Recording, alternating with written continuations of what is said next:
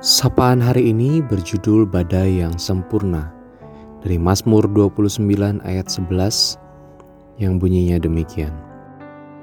Tuhan kiranya memberikan kekuatan kepada umatnya. Tuhan kiranya memberkati umatnya dengan sejahtera.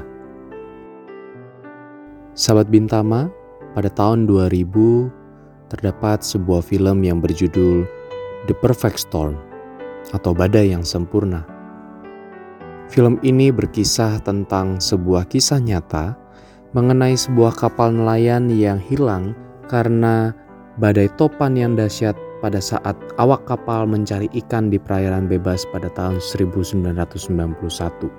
Sang kapten melaporkan tinggi gelombang laut mencapai 9 meter dan kecepatan angin di atas 148 km per jam. Luar biasa bukan? Film ini menegaskan bahwa tidak ada fenomena alam yang sedahsyat badai topan yang sejatinya sungguh amat menakutkan.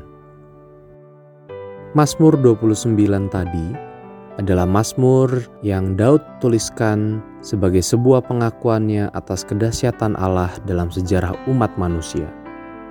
Kedahsyatan itu layaknya the perfect stone tapi bukan badai dalam konotasi yang sekedar menghancurkan dan menakutkan ya, melainkan badai dalam pengertian kuasa dahsyat Allah yang memelihara.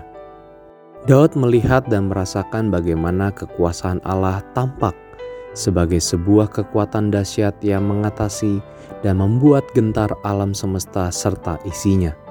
Suara Allah mengguntur dan menggema bagai badai di atas air dan guru di atas gunung Libanon. Bahkan, suara Allah mampu mematahkan dan menumbangkan pohon aras Libanon. Tuhan yang dahsyat itu menjadi sumber kekuatan dan andalan umat manusia.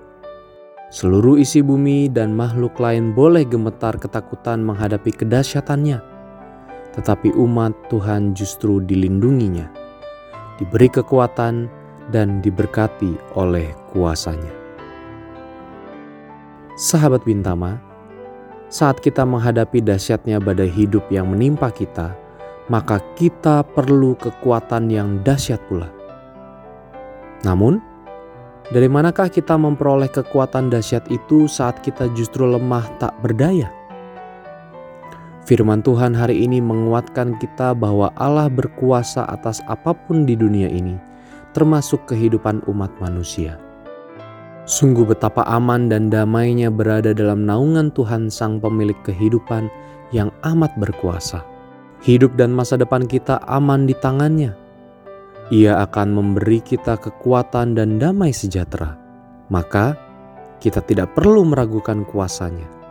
Jika kita mengalami badai hidup yang berat, ingatlah bahwa Tuhan kita jauh lebih besar dan berkuasa.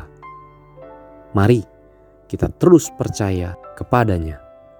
Saya Yohanes ABS, calon pendeta di GKI Bintara Utama, untuk sapu tangan Bintama.